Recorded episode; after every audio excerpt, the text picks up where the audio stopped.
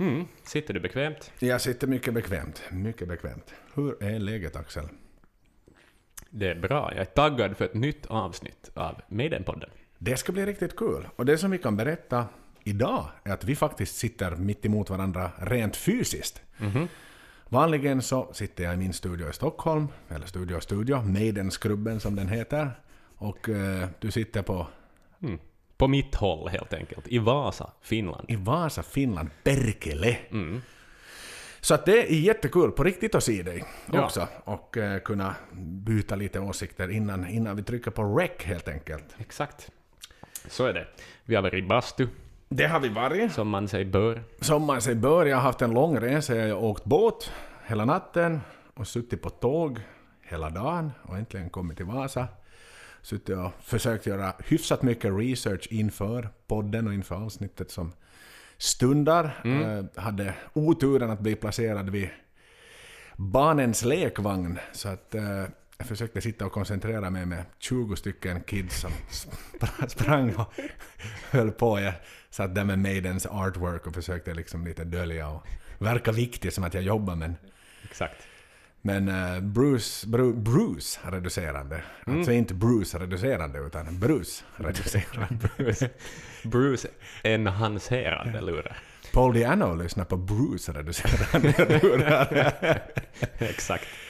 Så, eh, dagens tema Axel. Vill, du, vill du släppa vilket avsnitt det blir idag? Absolut. Man skulle kunna tro att vi skulle gå vidare här och börja snacka självbetitlade skivan, men nej, vi hoppar långt, långt, långt framåt i tiden istället. Vi skiter i kronologin totalt. Vi hoppar på Final Frontier från 2010. Ooh. Så här, en spontan reaktion om Final Frontier från mitt håll. Eh, det känns som en, kanske den mest anonyma skivan med Maiden 2.0, det vill säga när, eh, efter Bruce och och Adrians återkomst.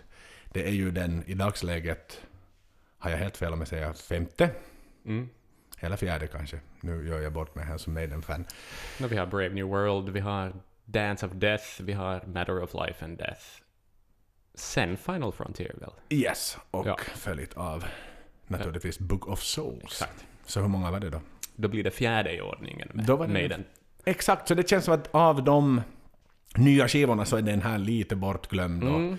kanske den, den gavs ut lite hastigt och lustigt och hade att göra med att de gjorde om den här eh, Rime of the Ancient Mariner-turnén innan, Somewhere in Time, Precis. som jag avslutade så gott som samma år, om inte jag har helt fel, som den här skivan kom ut och det var buller och bång med som sagt Rime of the Ancient Mariner och hela det här Revisited Chapter. Precis. Och så kommer en helt ny skiva ut på nytt och Ja, det var som att de inte marknadsförde den heller egentligen. Eller det var liksom mitt i allt bara fanns den. En annan lustig anekdot är faktiskt att eh, lanseringen på den här skivan var eh, i juli, om inte jag minns fel, slutet på juni eller juli. Jag jobbade faktiskt på färjan på den tiden och vi sålde, det fanns en liten elektronikaffär på färjan alltså mellan Åbo och Stockholm som gick den här fyllekryssaren för svenskarna. Och för finnarna ska vi till- tillägga. Det är ingen skillnad med tid på dygn för finnarna. Nej, absolut inte. Men hur som haver så då hade jag, jag kände butikschefen väldigt bra. De hade fått in den som leverans, den här steel cage, eller den här plåtburksvarianten av skivan. Och eh, då hade de fått strikta order om att det var försäljningsstart. Det var en fredag kanske, det var då vissa datumet. Men jag fick köpa den en dag innan. Men, lojal som jag är, så sa jag att tack, men nej tack. Jag kommer att hämta den på den dagen den släpps. Förstås. Så att rätt ska vara rätt. Så jag kunde ha just sagt att jag hade lyssnat på den före alla andra i världen. Exakt. Möjligtvis någon journalist eller någon megafan. Men det kan jag inte säga för jag valde att inte göra det. Men det var edelt, Joel. Det var edelt. Vad kan vi annat säga om eh, Final Frontier? Den fick jättelite uppmärksamhet från mitt håll då den kom. Jag måste säga att jag, jag lyssnade inte ehm, annat än några. Alltså den där Eldorado väl, som var en sorts singel. Det var en Som singel. släpptes på förhand. Den hörde jag, minns jag. Och den här långa... Och den släpptes faktiskt gratis singeln. Ja, exakt ja. På hemsidan. Free download. Free download. Yes. Och, sista, och skivans sista spår för den delen var också en sån där som jag tror jag hörde live eller någonting. Eller så fanns den på någon live-DVD. Den spelades live och finns också med på En Vivo. Exakt. Från Chile. Så jag har lyssnat mycket då på, på båten faktiskt. På, I hytten låg jag och lyssnade på den. Och, som man gör taggar förstås inför en livespelning. Och Men eh, nu när jag lyssnar på den, lite mer hård lyssnade på den och lyssnar mera låt för låt och repeterar vissa låtar så, så märkte jag att jag kan inte alla strofer så som jag kan på många andra skivor som Precis. verkligen har satt sig för man har lyssna, lyssna, lyssna, lyssna, lyssna utan det... Man vet inte riktigt vad som väntar ändå. Nej, vad händer? sen är det ju så in, i sin natur också, den är ju ganska progressiv på något vis också. Vad jag läste runt så det i alla fall, så var det, den blev ju jätteväl mottagen nu, um, kritikmässigt. Väldigt höga, höga siffror i många recensioner. Ja. Eh, och liksom, eh, jag läste någonstans också någon som hävdade att det här var liksom bästa sen Brave New World, Ooh. och så här. Och, alltså, Det skriver jag ändå inte under på riktigt. Nja, Personligen. Nej, alltså den är ju mera soundmässigt i stil med Brave New World än vad A Matter of Life and Death, eller Dance of Death, var. För de var ändå lite mer, de var något nytt, de var något fräscht. Eh, lite tyngre var kanske A Matter of Life and Death. Dance of Death var lite mer eh, produktionsmässigt lite nya grepp och sånt där. Men att soundmässigt så är ju nog Final Frontier väldigt Brave New World. Ja, men det, det stämmer faktiskt. Just A Matter of Life and Death, eller Amalod, som den heter inom på FC-forumet. Exakt. när man inte orkar skriva ut. Nej. Så den är ju jättemörk. Och den är ju krigisk och den ifrågasätter religion och den. These colors don't run och hela den biten. Det är faktiskt en ganska tung skiva om man plöjer igenom med textboken i handen. Ja, men vad kan vi säga sådär i högsta allmänhet om skivan? Ehm, Det var det femtonde studioalbumet. Jajamän. Det spekulerades i att det skulle vara det sista. Final Frontier. Exakt, men det var väl någon sorts jubileum på ehm, deras långtgående skivbolag, EMI, som de låg på. Att de sa adjö till EMI. Ja, jag har för mig att de kvittade EMI under den tiden Yes. faktiskt. Så det var liksom det som var avslutningen. Och Mm. det var det som blev snacket också. Att shit, är det sista skivan och så vidare. Och så gillar ju Steve att det snurras på där och det är spekulationer såklart. Ja. Han, ja, oh, ska det bli sista? Nu måste vi alla gå på konsert och köpa skivan. Precis. Sälja dem några till. Och sen åkte de ju tillbaka till, till Bahamas eh, för att spela in skivan. Mm. Där Där, har de de inte hade varit på, åt- förrän på 80-talet. Liksom. Nej, jag tror Somewhere Back in, somewhere in Time. Jag säger alltid Somewhere Back in Ja, Time för det var turnén turné. hette, men Somewhere in Time spelades där in senast. Med den klassiska, du minns den här klassiska solnedgångsbilden när Nico har sin eh, Coca-Cola-lippis på. Alla hävdade att det där är en backdrop man tar den. Men han oh, no, no, it was really, we were actually taking it, we were taking it. Ja, ja, ja, ja, ja säkert, säkert. Men varför skulle de ljuga om en sån sak kan man fråga sig också. Ja, det känns ju... Varför skulle de fixa en backdrop? You're still down in East and you fucking cunts. You not have the money to go to where the sun shines like that. Det är såhär, okej de är ett jätteband, de har rest runt världen 50 gånger så hittar de en jävla solnedgång någonstans. Och, och såhär, folk är mystiskt liksom. Ah, det kan inte vara sant. Varför är man skeptisk? Ja. Jag förstår inte varför man är skeptisk. Skulle de stå på månen med sådana akvariehattar på huvudet så då skulle jag kunna, ja men det där är nog fan stageat. det hade de inte faktiskt varit. Exakt. Men, men det är en solnedgång. Jag har jättemånga solnedgångsbilder. Vad jag förstår av studion också så var den liksom ungefär i ursprungligt skick då de kom tillbaka dit. Att det var liksom delvis nostalgiskt men också delvis lite en besvikelse. Uh, i att, lite tragiskt i att se att den har stannat i tiden. Det var väl det ja. Det var samma mixerbord och samma liksom har jag faktiskt ingen större koll på vilka artister som har varit där mellan 86 och 2010. Eh, kanske inte, kanske mer... Men jag tänker så här studiotrender att på 80-talet då det fanns massa pengar i industrin, då var det liksom glassigt att åka till Bahamas för att spela in skiva. det var... Men idag så, så görs det, man ska vara en storstad, tror jag. Ja, men det, är där de fina studierna saker. finns. Ja men visst är det så. Visst är det så. Det är Så lite så, titta på Replot bara. men De precis. Det skulle vara liksom ute i exklusiva skärgården och... Precis. Men du ska ju ha närheten till hotell och boende. Ja, ja, ja. Man vill vara smidig. Som artist, speciellt som Ja, stor ja. artist, så kommer du ju spendera en del tid där. Exakt. Och då kanske playan inte är det enda som bara lockar. Nej. Då bygger du hellre Los Angeles för då har du playa och allt annat vad du kan göra med och ha familjen med och Ja, etc. Ja. Så, ja, sure. Sen sägs det ju också att den här skivan var liksom, att de hade extremt lite tid att förbereda den. Mm. Att det var liksom, de slängde ihop någonting, de övade lite grann och sen spelade in den. Och sen blev det en komplex... För återigen, Somewhere Back in Time-touren som var en jätteomfattande global turné. Det var faktiskt första gången de hyrde flygplan.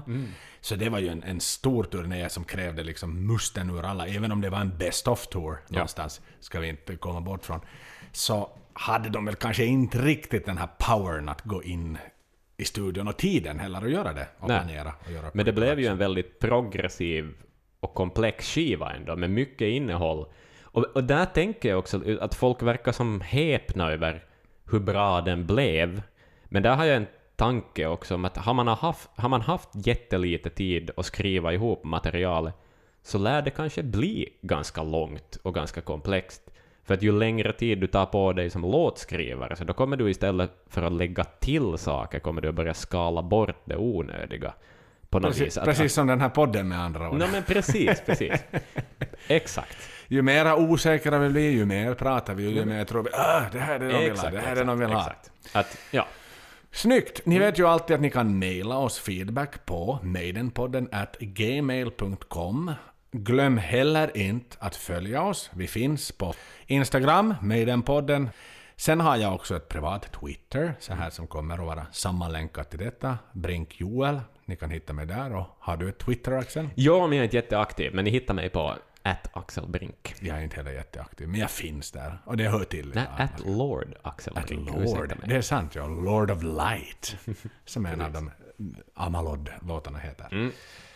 Ja, men det är ett jättespännande album att recensera. Vi ser fram emot det. Och eh, som sagt, det, det är en liten underdog på 2000-talet. Jag kan säga så här lätt, det är den... Om jag skulle räkna top of mind-skivorna efter uh, Brave New World så är det här på sista plats. Att jag så spontant kastar fram. Ja, man glömmer lite bort den. Man gör det, men Mm. cover är jättesnyggt. Jag tycker det är jättespännande. Eddie står där och botaniserar någon i hjärnan ute i rymden. Exakt. Jag minns det var någon som skrev på Maiden-forumet att “Yeah, but that's not the real Eddie”. Och Mm. jag var såhär, vad fan, but what- what's the real Eddie? Om man tittar på Eddies utvecklingsresa. Ja, sett Så väldigt annorlunda ut, Ja, Eddie the Head till Eddie vad han var där. Jag, jag, hatar sånt där. Vem är den riktiga Eddie i din värld? Och vem är den personen att säga Ja, exakt. ja, you know Steve, you, you draw that one wrong. Det är inte Riggs som har, skri- som har ritat honom, utan det var någon annan filur. Men hur som haver, det blir ett spännande album att recensera och, och vi, vi, tar oss gärna an det. Så första låten, Satellite 15 slash Final Frontier, för det är nu faktiskt en enda låt som är sju, åtta minuter lång. De har inte delat upp den till ett intro och sen börjar Final Frontier-låten. Precis. Vilket är ganska spännande i sig. Ja. Introt börjar sådär ganska lovande. Ja, mystiskt intro är det. Ja. Rymdaktigt. Ja. Men... eh, Och sen kommer trummorna in. Ganska Med så här, massa reverb. Ja, jättemycket. Så en maskin låter som en sån här jävla ång, satans ångmaskin som dundrar på i Ja, ett exakt. stort Ja. ja. maskinrum på ett stort fartyg. Eh, sen så... Ja... Mm. Sen så mattas den av med några jättekonstiga gitarrljud. Ja, bara några sådana konstiga rapländen som vi skulle tala om i Finland. Jag vet inte vad man säger på Nej, svenska. men det som, alltså vad det kallas eh, på YouTube när man gör sån här Liksom Maiden Shreds. shreds, exakt, det är som nästan en parodi. Ja. Och det blir, i mitt värld blir det liksom Jazz Odyssey Ja, av, men den här illusionen av Spinal den här liksom uppbyggnaden faller ganska platt. Absolut. Då det kommer de där random hammer-ons på halsen. Ut, Ja. liksom, som bara låter skumt. Och det är inte liksom Steve Vai som gör något coolt och tekniskt. Nej. Utan det är liksom bara slarv. Exakt. Ja, det är inte någon sån här show-off. Nej. Nu jävlar ska jag visa att vi kan nog spela gitarr i med den också, vi är inte bara tre kompisar. Ja men det är mer sådär att, att Janik skulle gå och skruva upp på förstärkaren och råka rattla lite på halsen och så nå men vad fan vi behåller det. Det var ganska coolt. Ja, det är jävligt nice faktiskt. Det, jag minns ju också det var en sån här what the fuck upplevelse första gången. att Okej, okay, Free Spirits har jag alls är nära men just det här är jäkligt konstigt. Sen går det tillbaks till trummorna igen och börjar dundra på. Och så har Bruce här mystisk solo. Exakt. Och så börjar sången, The Final Frontier, vilket är en klassisk Maiden öppningslåt. Väldigt ja. Och- Faktiskt. när jag lyssnar på den här nu på, på tåget också tidigare så... Maiden har två typer av öppningslåtar. De har de här jättesnabba och sen har de den här typen, just The Final Frontier, som är lite mera, vad ska vi säga, lite lugnare. Ta den explosiva då till exempel. Det är... eh, Aces High. Aces High, Be Quick or Be Dead, Ja. Different World, Future Real. Ja. Och sen har du då de här lite snällare någonstans. Det är Caught Somewhere in Time, börjar lite långsamma. Tail Gunner som faktiskt är öppningslåt Ja, tänk det ja. No Prayer. Förstås Final Frontier och eh, If, If Eternity Could Fail. Ja, den är också ganska tung. Är sån här, börjar lite mjukare. Det är inte där BOOM! Och lite mer som riffstarka kanske. Mera fokus på ett, på ett riff. Ja, Klassiskt rockriff. Och inte de här stämmorna som liksom förstås är Maidens kännspaka grej, utan mera det där raka power chords riff-grejen på något vis. Eh, på tal om öppningslåtar. Mm. En quiz. V- vilken låt öppnade X-Factor-skivan? Um... Du sa ju just Future Real, så då säger jag Future Real. Fel, faktiskt. Aha. Det är Sign of the Cross. Ja, nej! Det är den första låten. Vad fan? Jag hade tänkt att den var sist. Jävlar vad brut. Vad fan tänkte Steve där? Nå, de satt ju bästa låten först i Förvisso, men- den är ju på riktigt bäst. Ja. Den, den är ju helt sanslöst bra. Det är en av... Tittar man till de episka Maiden-låtarna så är det en absolut toppklass. Mm. Men det är ganska vågat att sätta som första låt om du Den tänker att du säljer ett Och sådär album. 91 eller någon när skivan kom också. Så Absolut. det var mera sådär Don't bore us, get to the 95 chorus grej. kanske. Ja. Men ändå mitt i 90-talet då hits var allt. Och då hade de liksom en åtta minuters... Men det är Steve, någonstans i ett nötskal. Han är lite så här provokativ och som han alltid har varit. Det är ju så han, som, han säger ju ännu idag att eh, X-Factor är hans bästa skiva han någonsin har skrivit. Vilket jag vet inte det. Bara för att han är grinig eller tycker han det? Ja. Vi tar den skivan den gången den kommer i alla fall. Med den här eh, Final Frontier, det är ju en sån här klassisk frihetslåt. Han sjunger det där I've had a good life, I do it again, I have no regrets. Sen sjunger han ju eh, Done more in my life than most do in ten. Är det liksom en direkt dissning till alla som lyssnar så här att det är egentligen Done more in my life than most do in ten? Att, eh, vilket samtidigt eh, skriver under på det. Bruce har gjort hyfsat mycket med sina jävla svärd och pilotgrejer och Ja. allt som han bara gör. Ja. Men är det en dissning till publiken sådär? Gör någonting! ja, eller är han en karaktär liksom? Som han sjunger om, Ja. vilket det ju egentligen handlar om. Men är det ett subtilt meddelande? Ja, nog kan det ju stämma. Han kan ju i alla fall leverera det med trovärdighet. Så är det ju. I och för sig det är Adrian Steve som har skrivit låten Ja, faktiskt. det. Yes. Är vi färdiga med Jag skulle The säga det. Vi kan, vi kan, eh, Frontier? kan gå vidare. Men det är en stark öppnare ändå, måste jag säga. Faktiskt ja. Ja men den är bra. Ja. Jag tycker om den. Och jag minns refrängen. Liksom att, att bara en sån sak. På. Absolut. Den, den hit. Den har satt sig. Utom intro så är det en hit. Absolut. Eldorado, nästa låt. Skriven av Bruce, Adrian och Steve. Um, vad skulle jag säga? Uh, en sak som jag skrev ner genast som jag lyssnade på den, att det lät som att den var inspelad live. Jag vet inte om det här stämmer, jag, jag kan lite om produktionen, men att det kändes som att alla skulle ha varit i ett rum och spelat samtidigt. Vilket de ju faktiskt har gjort mycket på senaste Ja. tid. De bandar ju inte in separat. Solon och sånt Mm. overdubbar de ju, lägger ju på naturligtvis, men eh, vanligen så lägger de ju faktiskt in. Ja. Eh, de, de kör ihop alla, alla i Men det var rum. något i Nikos trummor som liksom kändes som att det här är inte ett click-track, utan det här är liksom på något vis mer levande. Nej, de har väl varit lite kritiserade för det där ibland för att de inte kör click-track. Ja, det kan de ju slänga kör sin- lite hit och dit. Kan vara sådär. Mm. Men det är inte rockpoliserna står och tycker att det är inte enligt konstens alla regler. Exakt. Det är så jävla fint. Ehm, den släpptes då som singel, som vi redan har pratat om, gratis på Maidens hemsida den 8 juni 2010 om ni har papper och penna med. Och det ska ni tänka på att det är två dagar och nio år före vår podd lanseras. Så bara det är jävligt spännande. Så allt har att göra med det. Det är kalkylerat. Vi ville ha nio år och två dagar efter. Det var liksom det. hela fucking tanken. Eh, så här spontant Eldorado. Va- Med den som man är. Man går och handlar i matbutiken i, i Sverige där jag bor så Mm. plockar upp lite ris, lite konservburkar och fryst kyckling. Och man ser det där brandet. Eldorado! Så vi börjar alltid nynna på den där Ja. låten av någon jävla anledning. Jag tycker det.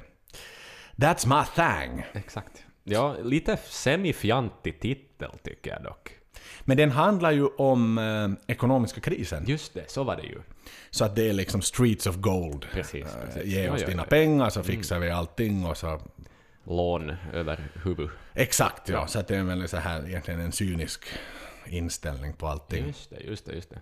Ehm, ganska stark låt, men ganska sådär generisk Maiden. Mm. Inte, inte någonting som sticker ut sådär väldigt snabbt. Och ganska länge var jag sådär att vad är det som är refrängen här?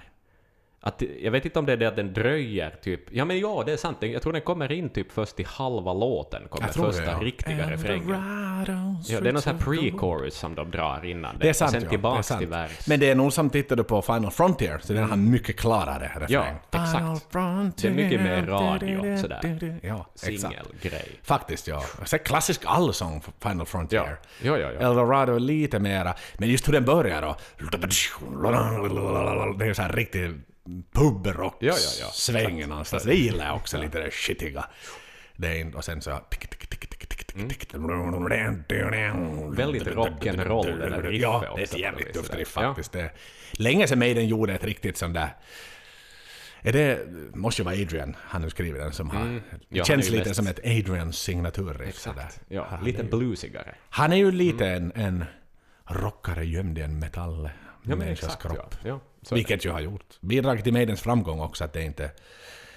Det är inte liksom fem tyska militära metallmänniskor Mm. som ska göra metall. Nej, nej, nej, nej. Han är lite mer levande. Exakt, ja. Det är ju det som gör den fina dynamiken. Mm.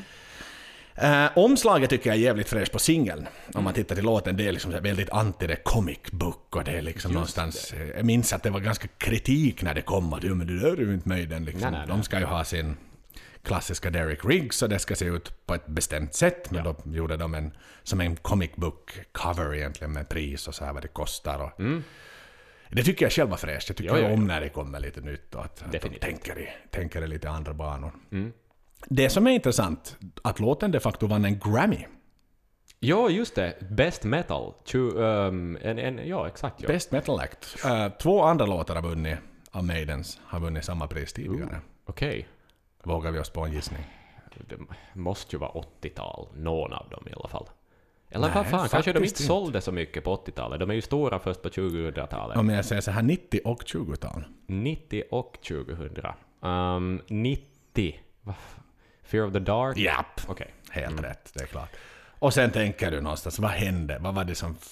Vad var det största som hände i Maidens historia No, på Rocky Rio, 2000-talet? Brave New World någonting. Jo, Um, och vad var det som hände där? Stora sinkor Du ska säga därifrån. singel. Ehm, ja, förstås. eh, exakt ja. Uh, Wicker Man. Exakt. Mm. Så är det den andra. Välförtjänt.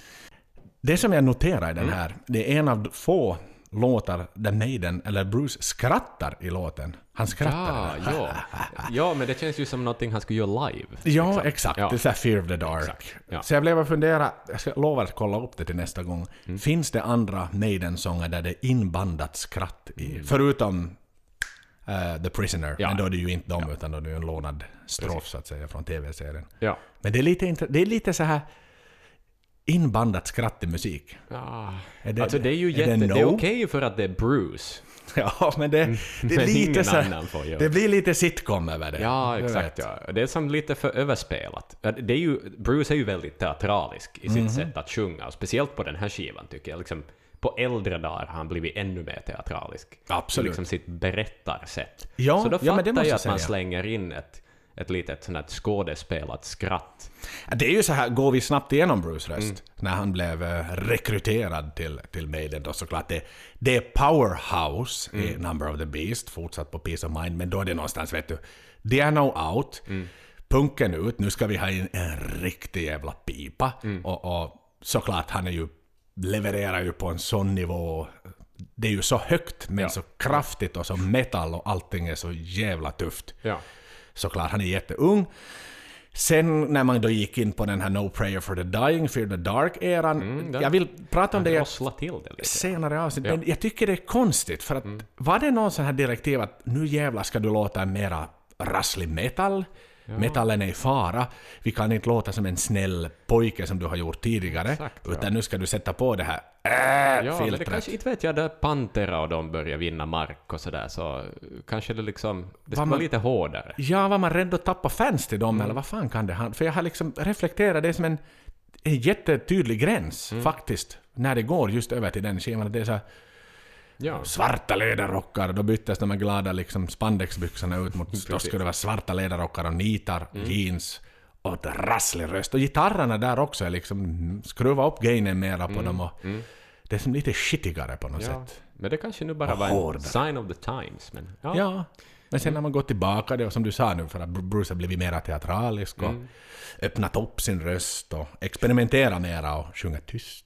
Exakt. Väldigt mjukt och tyst. är väldigt Och dynamiskt. väldigt högt och hårt. När det så behövs.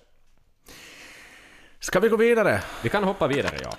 Vad har vi till näst? Mother of Mercy. Av Adrian och Steve. Mm. Faktiskt. Det är mm, spontant, säger jag, bästa låten hittills. Det är någonting i, vad är det, pre-chorusen kanske? Eller, det, det kommer ett riff där vid en och en halv minuter ungefär, som är jätte, jättesnyggt. Um, det, det är någonting det, väcker någonting inom mig bara. Men det är ju, det här är någonstans det första kraftprovet. Klassiskt Maiden då, det är liksom första öppningslåten, sen är det tvåan är nästan alltid en singel, som också är lite kort och snabb, kortare ofta än första låten. Och sen på tredje, det är någonstans där det ska sätta tonen för vad skivan ska handla om. Vilken typ av musik ska vi leverera? Ska det vara hårt rakt igenom? Ska vi vara lite mer teatraliska? Och ska det vara lite mer långa Mm. Långa, liksom. Exakt vilken typ. Så det här är någonstans en, en jätteviktig låt för att man ska veta vad som komma skall. Exakt. Eh, det är också första krigslåten Ja, på albumet och Maiden är ju, som, som ni ju alla känner De till, gillar väldigt- krig. De gillar krig och, och den här är ju, handlar ju om en soldats tvekan och där han ifrågasätter vad han gör och är det rätt det jag ska hålla på med? Ska jag faktiskt döda? Och, och det är ju någonstans eh, officerens värsta mardröm att manskapet börjar ifrågasätta det de gör. Exakt. Jag var faktiskt när jag gjorde min värnplikt i Finland så var jag lite Lite likadan. Jag, jag, jag var lite lat och jag ifrågasatte väldigt onödiga aktiviteter som man skulle göra. Och, Vilket kanske inte alltid skapar den bästa stämningen i gruppen för att någonstans där ska man ha huvudet ner och man ska göra det man Yes. blir tillsagd. Men att jag började fundera att är det här nu riktigt nödvändigt att vi gör det på det här sättet? Vi behöver väl inte fara dit, om vi far direkt dit så är vi mycket snabbare där. Precis. Men nej. Så det här, den låten, den handlar om dig. Den handlar faktiskt om mig. Jag kände under den tiden, och det här var ju efter att jag hade gjort värnplikten, att det var ju jag den egentligen handlade om. Sen handlar den här ju om dödande och det, som tur nog så var det ju fredstid på den tiden i Finland, som man ju faktiskt kan säga. Men en an- anekdot på, på grund av det där när man läser svenska nyheter och man läser, man läser finska nyheter, så om det har hänt en olycka till exempel i i, i Sverige så då är det ju bla bla bla, så Mm. många dog i bussolyckan. eh, Medan man i Finland alltid pratar om att det här var den värsta olyckan i fredstid. Ja. Att man ännu idag ska någonstans understryka att det är i fredstid. Exakt. Det där är ganska spännande, ja. För att i krigstid då kunde det hända mycket förfärligare olyckor naturligtvis och Mm. Ja. folk dog som flugor, vilket de ju gjorde. Men, ja. men det är sån här intressant. Spännande att man ännu håller på. Eh, Men alltså svinbra låt, måste jag säga. Ehm, en av de bättre Maiden-låtar. Dock lite svag refräng, tycker jag. Ja, ja men den är jag håller jag med om. Ja. Mother of mercy, na. Ja, nej den är inte superbra. Det är faktiskt den, den är... Den är okej. Men någonstans, jag tycker om det här när Bruce öppnar, han öppnar verkligen upp rösten Ja. på något sätt. Ja. Det är ju den där Why are we here, na, na, na, la la la la. Precis. Di, di, di, di, di, di, di, di. Vä- Väldigt jätteelegant Ja, sån här sätt han sjunger exakt, på. Det, exakt. det, det hit the heart. Mm, jättefin melodi, faktiskt. Faktiskt. Alltså jätteomaidensk melodi. Ja, också. den är nästan... Den är för vacker. Ja, nej men precis, precis. Ja. Vi hoppar vidare. Vi gör det. Ja. Coming home. Mabel I'm coming. ja. Steve, Bruce och Adrian har författat denna låt. Mm. Eh, det är första, första flygplanslåten på albumet. Idag blir vi en del av det är krig och det är flyg. Det, speciellt sen Bruce fick sin, sin, sin licens att flyga flygplan så då ska det vara med en. Nå men vad fan, skulle jag själv flyga flygplan så skulle jag säkert skriva massa låtar om att flyga flygplan. Det är exakt, ja, nej, jag kan inte tänka Helt okej. friheten att sitta där uppe och. Nu handlar det ju primärt om att komma hem, sådär att han tycker om att uppskattar att landa flygplanet. Och Precis. det var ju som jag hörde någon pilot sa att en framgångsrik pilot mätt på en enda sak. Man ska ha lika många landningar som man har take-offs. Så det är ganska enkla KPI i den branschen. Så är det. Eh, det är en så här klassisk Maiden-ballad. Nu vet jag inte hur ska Yes. man definiera Maiden-ballad, det finns inte jättemånga. Nej. Men det är en ballad, helt klart. Blood Brothers är ju en ballad. Ballad Brothers, en ballad Journeyman såklart, en ballad. Du har eh, Children of the Damned, Ja, ja. i viss mån en ballad och sen eh, förstås Remember Tomorrow från... Yes. Ja, men det, det var så länge sedan så det Någon kanske inte... Peace of Mind också. Det har Ja, du ja. ja, exakt. Uh, alltså i ärlighetens namn, jag tycker inte om den här låten om jag ska vara helt ärlig. Jag, jag tycker att intro, det är ju jätte så stämmor. Mm. Och det är ett jättegroovigt trumkomp. Väldigt o-Nico McBrain. Jag, jag skrev att det, liksom i mina anteckningar har jag skrivit att det låter som typ Megadeth från mitten av 90-talet. För det är något sånt här groovigt i det, och med de där stämmorna. Det, det, det är som att Mustaine skulle kunna skriva det där riffet. Ja, förvisso ja, men vad fan. Jag, jag håller fast vid att det här är albumets lågvattenmärke. Så här, jag har aldrig gått och pissat på en Maiden-konsert under pågående konsert. Men på Olympiastadion när de spelade den här, då besökte jag Bajamajan. Och jag kände ingen skuldkänsla absolut efteråt. Nej, faktiskt. Alltså jag tyckte att det, det är en bra låt. Och speciellt solorna gillar jag jättemycket. Skitbra solon. Kanske albumets bättre solo. För här får Adrian riktigt liksom visa sin bluesiga själ i ett snyggt och smakfullt balladsolo. Och eh, ja, alltså ballader och Maiden, det är ju inte synonymt Nej. förstås, men eh, av ballader så sk- skulle jag inte avskriva den helt. Inte, Men det är så här... inte, Hade- det, är en, det är inte en klassiker, den går inte till historien. Hade P1 spelat musik så hade de spelat den här. Mm. Jag tycker den är för... Nästan lite så Bruce Springsteen. Ändå inte, men... Ja, det är så här som går in genom ena örat för mig och ut genom Ja, andra, sant. tyvärr. Eh, all ära till flygplan och allting. Han har gjort jättemånga. Isis har ju en fantastisk flygplanslåt och Ja. ja, allt annat också som jag inte bara kommer Men på. det är kanske lite någonting i att göra liksom en ganska storartad ballad om att flyga flygplan, som på plan är liksom lite, o, Det är ju inte kanske- fjantigt. Det är väl något inte. The Lost Love? Även om Nej, exakt, det är inte en kärleks... Det är, det är inte liksom... Nej, precis. Men det är ju en kärlekshyllning till det han tycker om. Ja. Och någonstans, alltså bara han pratar om när de hade 747, alltså Mm. när han pratar om the queen of the skies, hur mycket han älskar hon. She really is the queen of the sky. Ja men exakt, men nu är det ju lite mera David Attenborough som pratar om flygplan än vad det liksom är ja, inte vet jag, någon stor poet som talar om kärlek liksom, Ja, mellan människor. Man kanske inte gör en film om, om Bruce, en romantisk komedi om Bruce kärlek till flygplan riktigt. Det, det kan bli ganska sjuk i så fall. Ja, lätt, eh, ja, lätt fetischistiskt. Det blir lite som Kaminmannen, bara att med Bruce i flygplan istället. Liksom. Han kan inte släppa. Ja. Bruce, vi är framme nu, kom ut ur cockpit. En stund till, en stund till. Nej men Bruce, på riktigt, vi behöver låsa när vi stänger ner flygplatsen nu för det där. Ja, jag kommer, jag kommer. Och så ligger han hemma och sover. Och så smiter han tillbaks till flygplanet och lägger sig där över cockpit och sover. Precis. Smiter iväg i natten, kanske. Men han är i alla fall en passionerad pilot och det märker han. man ju i alla fall. Så all rätt på det sättet att få skriva en låt om Helt sant. om, om just flygplan. Det är spännande. Ska vi lämna låten där? Vi lämnar den, ja. En annan, nästa låt har ju förstås en väldigt grammatikaliskt klassisk Maiden-titel. Ooh, The Alchemist. De har många The någonting låtar. Är det Chemist eller Chemist? Chem Alchemist. Alchemist. Alchemist. Alchemist. Jag tror nog det är. Ja, men det är Österbotten bla- svengelska här nu i. Österbotten är det Alchemist. Alchemist. Alchemist. Ja, Men det är nog Alchemist. Alchemist. Skriven av Steve, Bruce och Janik Mhm. av alla. Ser du? Det som är intressant hittills är att Steve inte har signerat en enda låt för sig själv. De Mhm. av den väldigt kollektivt Mm. framtagen platta. Exakt. Vilket är ganska ovanligt faktiskt. Ja, jag Och Janik det på ju- Wikipedia faktiskt. Janik är ju inte jättevanlig i uh, I låtskrivande. låtskrivande nu för tiden heller. Så. Han är någonstans the new boy Ja, on the block. får inte still. riktigt lägga det. Vilket han faktiskt är när jag talar med många, många fans. Men tror du han hittade på det där plinkplonken i, i introt? kan ju vara faktiskt det. Det var det som han fick bidra med Exakt. Det är ju den riktigt sån här taka-taka fotboll, Mm. klassisk Maiden-låt. Alla kör igång, det är ingen gitarr som börjar utan det är one, two, uh, one, two, three, four och så dundrar alla Snabbt på. och bra. Det ska finnas med och låten ska vara kort. Ja. Mm. Det är någonstans sån här checklist for a Maiden-album. Ja, och, men samtidigt blir den lite intetsägande. Mm. Och det är liksom på något vis i titeln också, och i tempot, att det, det blir jättegeneriskt. Och den är sådär satt sådär mitt i albumet. Det är en av de sista korta låtarna på skivan också. Den, den är lite album-filler, skulle jag nog säga. Jag menar, hade det varit en singel, potentiell singel, då hade den gått på plats två. Så enkelt är det. Ja. Det är en sån här man lite gömmer, jag håller med. Man gömmer lite undan den, man gjorde den, den var inte jättebra, men sen kanske man inte hade skrivit någonting annat.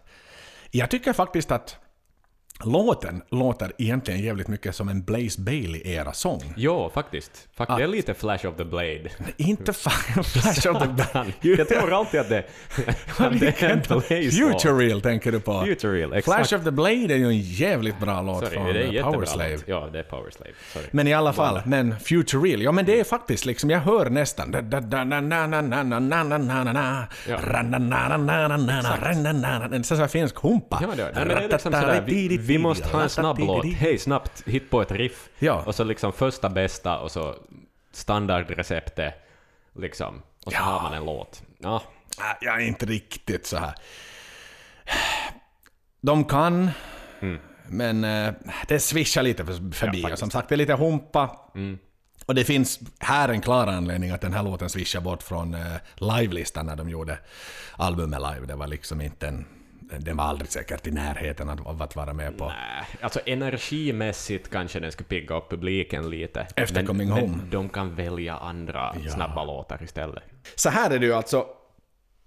Det vill jag ändå betona att skulle den här till exempel framföras av ett mediokert metalband, typ no, Sabaton. Så nej! De skulle aldrig kunna skriva en så bra låt. Hördu. Svär inte kyrkan Axel. Är jag fel ute om jag skulle säga att det skulle vara en av Judas bättre låtar? Ja, ja, nu kan jag. Kanske. Det skulle kunna vara, med rätt sound skulle den kunna kanske passa in på Painkiller Era Priest på något vis. Eller Halloween eller någonting Ja, sånt där. exakt. Men då hade de till och med vunnit priser för den här låten. Ja. Men Neiden är ju Rolls Royce av någonstans. Så det är därför man kan vara lite kritisk. Man kan vara en Man vin. vet att de kan bättre. Därför tycker vi också, katalogen är ganska lång, 15 album, 16 album. Exakt, det här är en låt vi inte minns. Nej, absolut inte. Och en låt jag så här inte går tillbaka till när jag sitter på ett flygplan som störtar och vet att jag har fem minuter att lyssna på en låt kvar i mitt liv. Så kommer den Den är långt ner på den. Även om jag faktiskt har de flesta... flesta Då lyssnar jag hellre på syntmusik för det faktiskt. Ooh. Jag tar nog uh, Hallowed, Be. Hallowed Be Name. är min liksom Thank You and Good Night Life-sång. Men eh, förhoppningsvis så är vi inte riktigt där ännu. Men som sagt, den kom, den gick, den segrade inte. Nästa. The Isle of Avalon. Svinbra låt. Ooh, Adrian och Steve. Nu satan, nu börjar allvaret någonstans. Nu är det... Det är nu som Maiden lämnar semesterturnén i USA. Ja. Nu far de liksom fucking down south of the border. Ladies and gentlemen, fasten your fucking seatbelts. Nu börjar Maiden-stämpeln på allvar komma och ta skepnad. Ja. Boom! Nej, men det här är, det här är seriös Maiden. Det på ett extremt avancerat stadie också. Ja, här någonstans tar hela skivan en vändning också. Hittills har vi Absolut. haft liksom en ballad, det är ganska lättsmälta låtar. Det är ganska korta, sådär. Un, runt 20 är väl kanske den längsta. Men, men här någonstans händer det någonting. Här blir låtarna längre, de blir mer komplexa, fler delar. Och, och liksom... eh, Nej, grym, grym låt faktiskt, måste jag säga. Fullkomligt fantastiskt. Den är, The Isle of Avalon är ju ett... Alltså Avalon är ett klassiskt uttryck. Det är ju egentligen en... Det är eh, någon kung som är begraven där. Exakt, kung Arthur ryktas det om då. Det är ju liksom The Isle of Fruit. Frukternas ö. Ja, just det. Det, han påstås vara begravd där och det är, en, det är en ö i Britannien där kulter och riter har förekommit tydligen. Och halvt fiktiv, halvt vissa hävdar att den finns i verkligheten. Men eh, en del av eh, litteratur, mycket litteratur naturligtvis i England. Och det är ju någonstans, bara för att ta, som är intressant med Maiden, att de tar ju mycket fasta på faktiska historiska Mm. händelser och mycket sådana här kanske illustrativa händelser Mm. som har varit med. Så att det är ju ett utbildande band egentligen. Ja, ja, Ponera att du har skoltrötta kids som "Nej, jag orkar inte läsa min historieläxa idag. Exakt. Så mycket liksom... Ja, och litteratur och allt möjligt. Mycket hänvisningar till liksom klassisk litteratur och, och liksom vettig, viktig historia. Det finns en sofistikerad touch i. Absolut. Det är inte bara I want pussy and rock Nej, nej, and roll. De, de är lite småborgerliga. Faktiskt, ja. Faktiskt. ja men, men så håller de, och det är väl det som de gör att man blir aldrig för gammal för Maiden. Så här. Mm, det är inte liksom Offspring. Nej. I listened to Maiden when I was 14, but then I grew out of it. Nej, exakt ja. För de har lite vuxit med musiken också. Tagit sig an större teman och viktigare saker och sådär liksom. Och ifrågasätter ganska kritiskt vissa saker också Det faktiskt. också, ja. Krig och fred Modigt, och religion. modigt. På ett modigt sätt faktiskt. Och det är väl någonting jag tycker väldigt mycket om. Mm. Ehm, Det som är coolt med den här låten ehm, är A.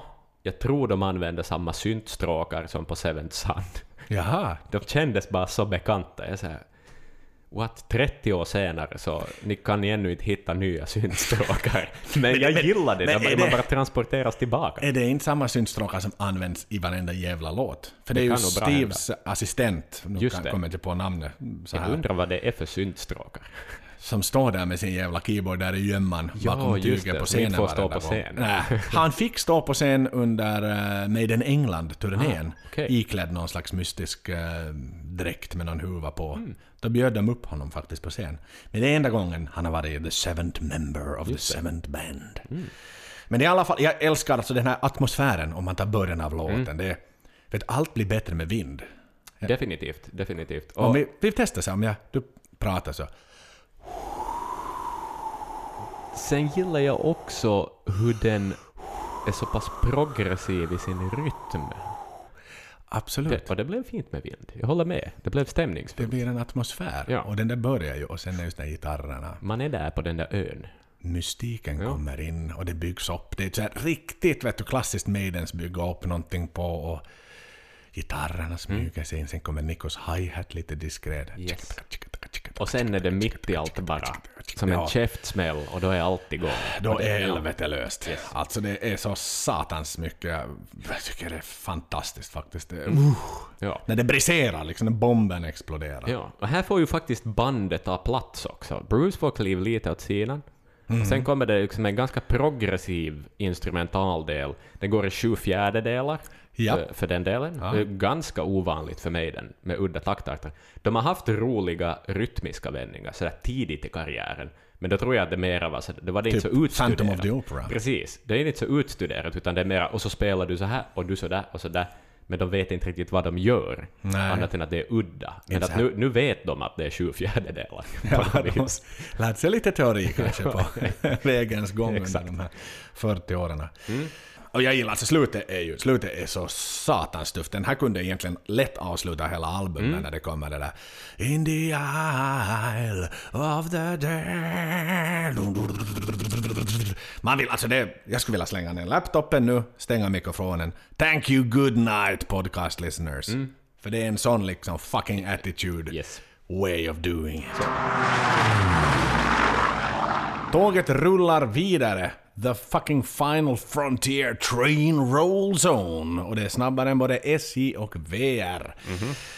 Hörru, nu är de tunga leveranserna igång på skivan. Eh, det är det som gör att Maiden är Maiden, och det är det som gör att Maiden har klarat sig i 40 år om du frågar mig. Att det inte är någon sån här fucking nostalgikerband som lever på att mala igenom gamla sånger och leva kvar på 70 och 80 och eventuellt början på 90-talet. Utan de här band, det här är- gör att det är Maiden. Det är inte liksom 19 bandmedlemmar som har kommit och slutat och 57 banduppsättningar utan nu är vi inne i det här. De mjölkar inte längre ett tomt skal. Maiden-tåget rullar på. Exakt. Och de förnyar sig, de håller sig aktuella. Och de vågar dra ut svängarna ibland. Absolut, absolut. För det mesta. Låten är skriven av Adrian, Bruce och Steve. Återigen det, transkribenter på denna skiva.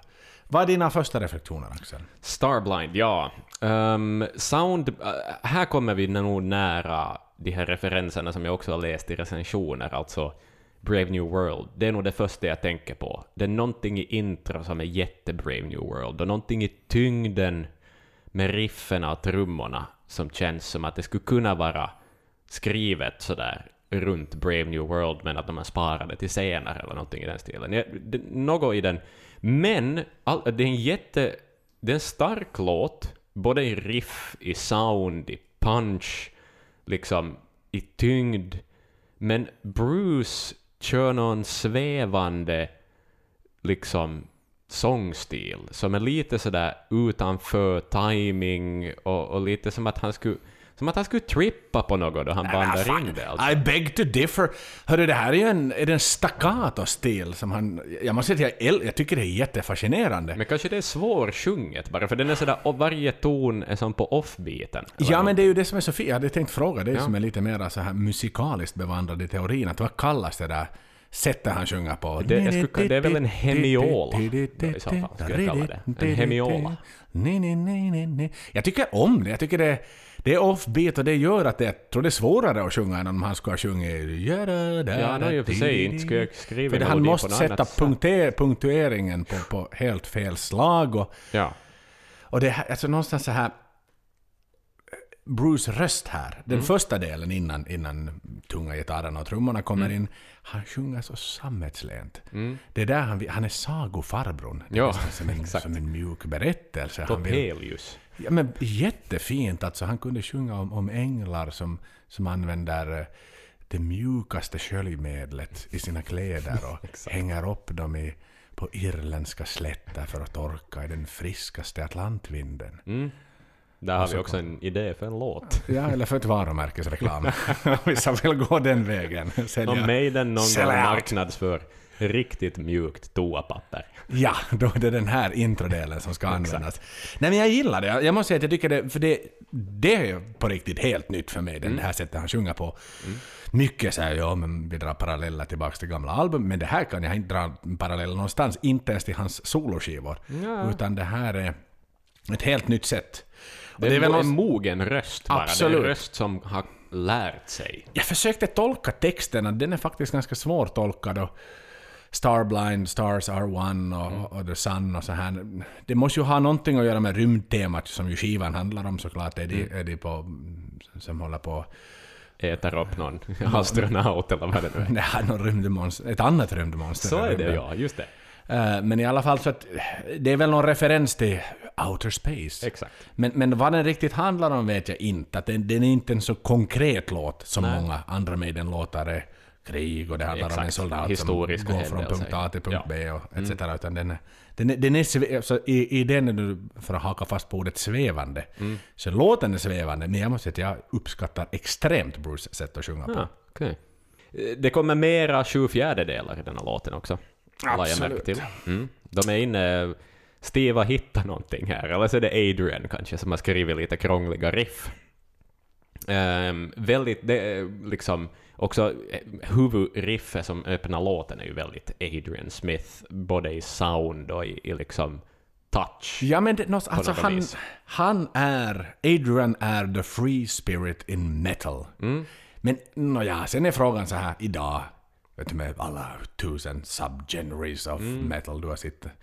Vi har sett tusentals sådana här kartor på Google Exakt. över hur metallen har, varifrån den börjar. Ja, och vilka Vilket ar- band grundade, så här, jag frågar dig också, mm. vem grundade metallen? Vem är the heritage? Är det Chuck Berry?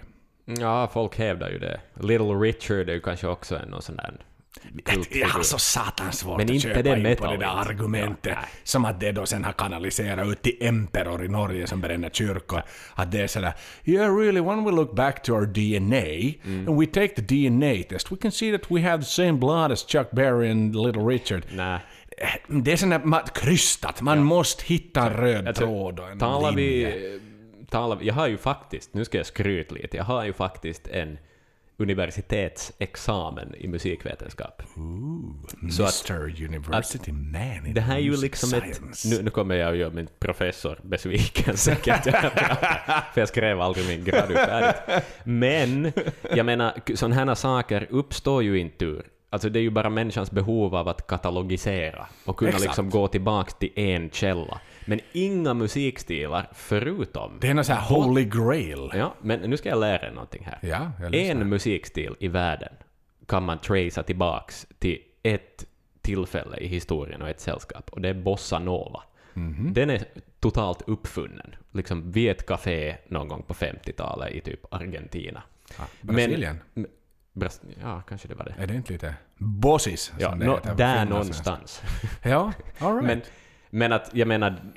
Men att- att hiphopen, en- nej, liksom- liksom... Chuck Berry hade väl ingen aning om att folk skulle börja spela metal. Nej. Och, och hur mycket har nu egentligen Emperor lyssnat på Chuck Berry kan man också fråga. Absolut inte. Och sen med sen också det moderna då förstås. Ja. Sabbath var väl kanske någonstans den Ja. Mm. första etablerade som höll på med sin Devil's Note. Exakt. Devil's Tone eller Devil's Note? Ja, den här Är det Tone eller Note? Det, ja, no, Note, det där tone. intervallet. Ja. Ja. Som de höll på att experimentera med. Sen Purple såklart. Men Så fanns det ju tidigare, det fanns Coven och eh, sådana här ockulta, skumma 60-tals folkband som, som sysslar med en massa satans dyrkan. Absolut, det var ju något, det var en udda subgenre. Men det kom väl metallen. nog som en gemensam, bara sådär att nu är det kova att plocka in djävulen lite grann kulturellt. Och så hände det bara någonting parallellt runt om i världen, där det här intresset bara som växte. Absolut. Och kan vi göra det tyngre, kan vi göra det hårdare, kan vi göra det vildare? Vad kan vi göra av det som Chuck Berry gjorde, men gör det värre? Helt korrekt. Nu, snöar vi ut lite. Nu är jag helt långt ut, men vi är lite... We went star blind. Exakt, vi får exakt. liksom out in space for a moment there. Eh, jag lärde mig ett helt nytt ord i den här låten. Jag har ett hyfsat bra engelska ordförråd och, och, och kommunicerar ganska felfritt på engelska. Men han sjunger om Damocles. Han sjunger någonting med Living Damocles still hanging over det? their promised trust. Damocles. Wow. Och jag var inne och googlade. Mm. Och det, Google föreslog Damokles. Ja, det har jag hört. Och det gav någonting. Mm. Och jag funderade, vad fan är det där Damokles? För att jag var inne och tittade på flera lyricskällor. Ja, måste vara latin eller Och, och tänkte, vad satan betyder det här Damocles? Men det som jag fick, fick som träff på, på det här Encyclopedia Metallium, du vet den här fantastiska Att den finns. ex exklusiva metall-Wikipedia. Där finns för, faktiskt eh, vårt före detta, mitt före detta band. Finns med där också, Fint. eh, ett äh, ganska tragiskt Även band. Men det var kul. detta Det var kul på den tiden i alla fall. Och då fanns det ett band faktiskt som hette Damocles. Som ironiskt nog var ett new wave, kategoriserades som ett new wave of British heavy metal.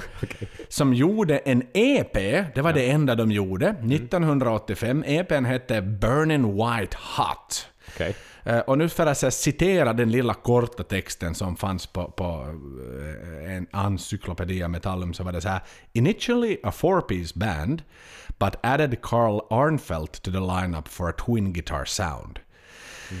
This caused Paul Henley to quit in protest and the band were back down to a four-piece before recruiting Ged Rylands to play keyboards and guitars. The band changed directions after this for a more commercial sound. Okej. så, så att, Så vi vet inte ännu. men någonstans för att gå tillbaka då till parallellen med, att, med, vad det han sjunger. Leaving Damocles still hanging over their promised trust. Kan det ha att göra med att det är någon sån extrem insider, att man låter dem fortfarande hänga till deras liksom lovade Trust. Om det är någon där ute av er som vet mera om bandet Damocles och hur deras, vad ska vi säga, mer kommersiella framgångssaga fortskred. För de blev väl säkert avskrivna från eh, Metall Encyclopedia efter den tiden då, för då fick de inte vara med där om de plötsligt började spela Oasis eller någonting sånt. Så det är, sorry, you're, you're not welcome here anymore. Nej. This is a metal club, not a pop music club. Men i alla fall, så jag fick aldrig riktigt lära mig vad det där förbannade ordet Nej. betydde. Men det var, ett, det var ett intressant ord och det, jag trodde det skulle betyda något pompöst. Men det, Det måste ju inte. vara typ latin. Absolut. Eller något sånt. Men jag tycker att det är en spännande låt. Jag Det är en bra att den, låt. En jätte, alltså faktiskt, jag håller med. Det är inte en sån här mega, I will put it on my absolute best of the long Nej. runners when it comes to Iron Maiden list. Men jag lyssnar jättegärna färdigt låten. Det gör jag. Jag lyssnar jättegärna färdigt på den en gång till. Ja, exakt, precis. Jag skulle nog säga att den ändå hör till kanske de fyra starkaste låtarna på skivan till och med. Absolut. Mm. Det skriver jag under vilken dag som helst. Men vi är nöjda med den låten. Det är vi. Vi går vidare. Yes. The challenge of the beast. Alright, Axel. Vi Mm. har kommit fram till The Maiden Challenge. Ooh, Riktigt spännande. airhorn sounds. Au, au, au, au, au. Och jag har en challenge åt dig i detta avsnitt. Okej, Jag kommer att spela eh, ett antal trumintron. Och om du nailar vilken Maiden-låt det är så kommer du att få en öl i pris. Du Yay! måste ha åtminstone hälften rätt. Okej, Alright? okej. Är du redo för första? Jag är redo. Nu dundrar vi på. Run it, run, ja, okej, jag har det. Run to the hills. Det var Run to the hills. Hade du, nailat det där, hade du inte nailat det där hade du flugit ut från podden. Men det förstår jag. Nästa.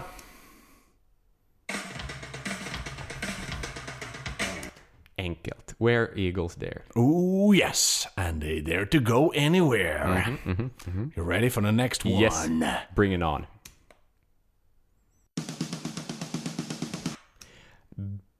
Be quick or be dead. Oh yes! Den där är lite klurig för den är kort. Ja, raka 16 delar. Vad fan?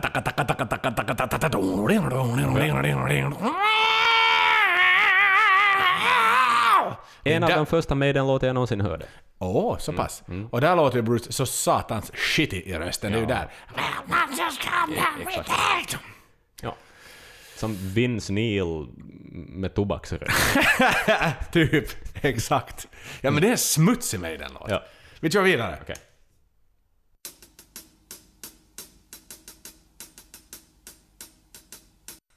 Um, ehm, Passiondale. Ooh yes! Mm, det här går It's bra. three out of three. Shit, vad bra. Fan, det här låter som att man lyssnar på, på någon sån här trumlektion. Så hur olika... På Toman, du vet, när man köper hi-haten. Hur den där hi-haten låter. Den och Så det här är en... ehm, vad det? här måste vara en Paiste 2002. Ja, exakt. Kanske ja. en Rude. Men han spelar inte den här bossa nova-varianten, utan det är liksom rock. Try. Hur Så låter det? Rock. Nästa!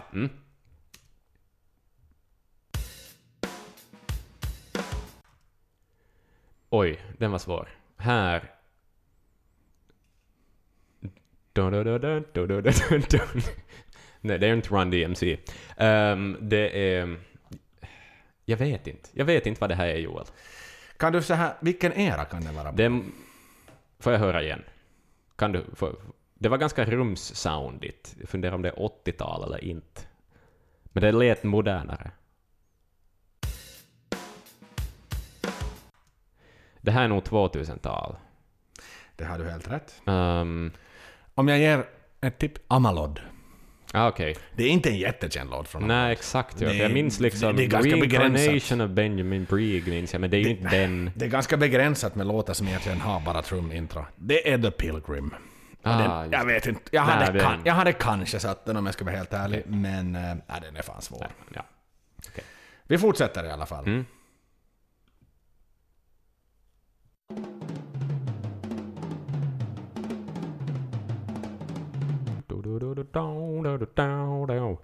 Um, eh, det är ju från Killers-skivan. Mhm. Och det är ju... Det är inte 22 okej. Nej, men den är ju på, dessutom på Number of the Beast, det är Bruce. Uh. Another Life. Life. Exakt. Det är det svår. Den hade jag fan inte nailat, jag ska vara helt ärlig med dig med det. Nej. Den- är svår. Det är också lite filler från den skivan. Ja, ja, ja, det är ju Ja. inte någon sån här mega boom, boom, boom. We will always take it with us. Exakt. Nästa! Mm.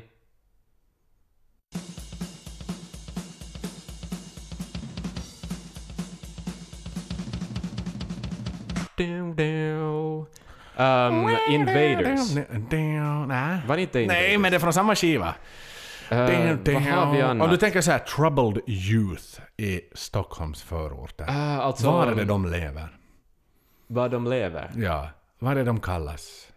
Ett land fyllt av, vad är det man tillhör då? Misfits. Nej, inte Misfitland. Just det, Gangland. Exakt.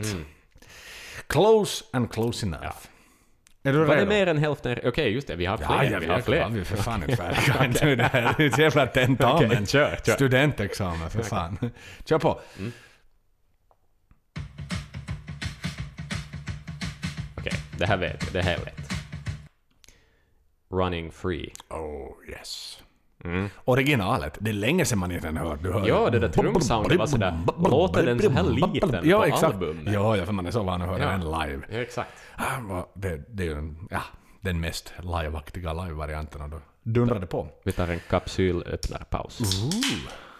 What's the sound of that? It's a beer. Do Kombucha. not cry for all your wasted beers. Så, en, men det är inte en Robinson Brewery utan vi dricker finskt idag. Lappinkulta. Lapplands guld. Yes. Vi kör på!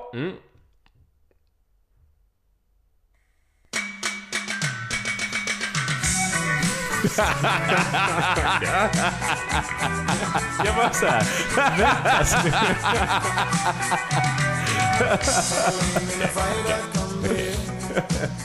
um, Det där var alltså inte Iron Maiden. Nej, men det var Australiens stolthet. Och det talar jag inte om ACDC utan Men at Work, Land Down Under. Men det skulle ha kunnat vara den låten. Det skulle kunna vara... Di-di-di-du-du, di-di-di-di-du-du. Jag var ändå sådär, vad är det? Vänta, vilken? Är det någon... Ah, Okej. De har ju gjort lite covers. Jag var så kan det ha varit... Okej. Vad har vi näst? Vad har vi till näst? Ja, berätta. The Talisman. Just det. Skriven av Janik och Steve tillsammans.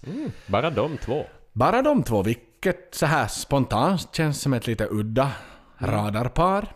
Förstås Maiden är Maiden, men, men just sådär Adrian, Adrian och Steve, Bruce och Steve, det är någonstans det klara. Murray och Steve, de har varit med sedan tidernas begynnelse, men, men såhär Janik, Ja, jo, jo, det, vad ska jag, vad vet jag? För fan vad det, hur deras personkemi funkar. Exakt. Uppenbarligen funkar de, för de skrev i mitt tycke, det här är den andra av riktiga två tungviktare Ja, på den skivan. den- Det här är Det är en baktung skiva. en riktigt baktung skiva och det här är ju verkligen liksom, jag tror att Steves ambition är att det här ska vara en sån här episk, odödlig maratonlåt. Det är The Talisman, det ska, the, återigen, the Mm. something. Och det The historisk referens. Talismanen, ja. Det, det, det, är lite Indiana Jones, liksom. Väcker lite spänning, lite äventyrslust. Lust. Den börjar ju akustiskt faktiskt. Det Första också. låten, och det, det är inte jätteofta Maiden använder sig av akustiska början. Nej? Jag tycker det är lite såhär Amalod. Minns Mm. du vad Amalod var? A matter of life and death. Absolut, det är lite sån här The Legacy-start på den. Du vet, det börjar med en akustisk gitarr. Det, det är inte många, det är Clansman, det är den här, det är, det är The Legacy och sen, nå i och för sig, Zeppelina-låten som börjar med piano. Så Just kanske, sådär. Precis. Akustiska Och den hela akustiska låten på vilken skiva det nu är. Naturligtvis. Dance of Death. Just det. Journeyman. Som ju är riktigt fin. Men i alla fall, det här är en sån här... Jag tror att det var hans ambition. The Talisman. Vad tycker du om den? Jag tycker att det var en stark eh, låt. Inte en Starblind. Um, lite... Den är bra. Den hör nog till de fem bästa, men inte kanske topp fyra som jag just snackade om. Um, men den, den är... eh, vad, vad ska vi nu säga? Li, lite generisk hoppar jag på här också. Jag tror att det är någonting i titeln som, som fick mig en sån inställning bara. Jag var så här, förstås ska det finnas en låt som heter det här. Och, och, och så lyssnar jag lite cyniskt på den på något vis. Och, men jag, jag, fan, jag måste gå tillbaka tror jag. Det, det kan hända att den är bättre än vad jag är inställd på att den är. Jag och min Maiden-buddy Tage, vi är lite så här... eh, Vi, vi brukar titta på låtlistan när den släpps och så brukar vi... Man kan pinpointa vilka låtar som är den korta och eh, aktiva, så att säga. Snabba. Till exempel som The Alchemist. Vi såg det direkt. Ja, den heter The Alchemist. Då hör man brus. Tsch, tsch, tsch. The past! Ja. Men, men den här, hade på känn det här en lång, den ligger långt Mm. sent. Men så här, efter att jag lyssnade på den och läste, läste texten väldigt ingående, det känns nästan som en piratkopia av The Rime of the Ancient Mariner. Ja. För de åker ut till sjöss. Sen är de i stormen hela jävla tiden. Sen hoppas han att den där jävla amuletten ska rädda dem. Eller är det amulettens fel att de har hamnat i stormen? Fåglarna flyger iväg från stormen. Eye of the Storm är fortfarande där. Och De har inte fått vatten på jättelänge och de har inte fått mat på jättelänge. de har Ja, verkligen varit strandade ute på det där jävla fartyget. Och, och allt är då antagligen amulettens fel eller sen är det på grund av amuletten. Så att jag tycker att den är, låten är bra och det som är det absolut bästa är refrängen. Den här Westward the tide, westward we sail on. När Bruce riktigt kör med sin sån här extrema falsett. där. Och vet du, det är inget som stoppar. Han, slu, han ramlar ut ur studion när han, liksom kom, när han har dragit det. För det är liksom ingenting kvar. Han är helt utpumpad stackarn. Och det måste jag säga, det- den, den delen räddar. Men annars är det en, det är en lång låt. Och så här, Rime of the Ancient Mariner 2. Det är Mm. Men lite jag menar, får Bruce... Beverly Hills Cop 2. Ja, men får Bruce Bigger skriva- tits, bigger guns. Exakt. Rime of the Ancient Mariner 2. Bigger storms, bigger waves and more wind power. Men jag menar, får Bruce skriva så många flygplanslåtar så måste de ju få skriva en till låt om att vara på, till sjöss. Nå, då får väl Steve och Dave skriva med en jävla sjöslåt, satan. De har varit på Berkele. fisket Han bor ju i. Bahamas. Ja, Det exakt. stormar ju där, orkaner och grejer. Så han har sitt både det ena och det andra det, säkert så på sin det. fritid. Så att så här... äh, helt okej. Mm. äh, jag tror att han kanske hade förväntat sig att kapitalisera lite mera Mm. på den här än vad den egentligen gjorde. Yes, Men vi får leva med det helt enkelt. Så vi är nöjda med, med den låten. det är vi. Yes hörni, vi går vidare va. Vi har Det gör vi. Vi har två låtar kvar. The Man Who Would Be King, skriven av Dave och Steve. Så här, det handlar om en mördare, inte kanske spit out, det är inte liksom The Fugitive eller... eller en, en, Murders in the Rue Morgue. nej, det är inte det. det är inte. Killers. nej, det, det handlar om en man som försöker fly från sitt förflutna och sen kommer det fram mot slutet av låten att han faktiskt har haft ihjäl en annan man och måste liksom ta tag i konsekvenserna och att det kanske inte alltid hjälper att bara stänga nästa dörr och springa vidare och stänga dörren bakom sig och springa vidare utan att han behöver ta tag i sitt förflutna. Så det är en liten sån här moralpolislåt kanske. Ja, Till oss alla. Och lite psykologisk också. Hörni, lyssnare där ute, vad är det ni behöver ta tag i? Gör det idag. Steve rekommenderade. Spara inte till imorgon, utan spring inte, göm inte er, så kanske ni också kan bli kings, som den här låten handlar om. Exakt.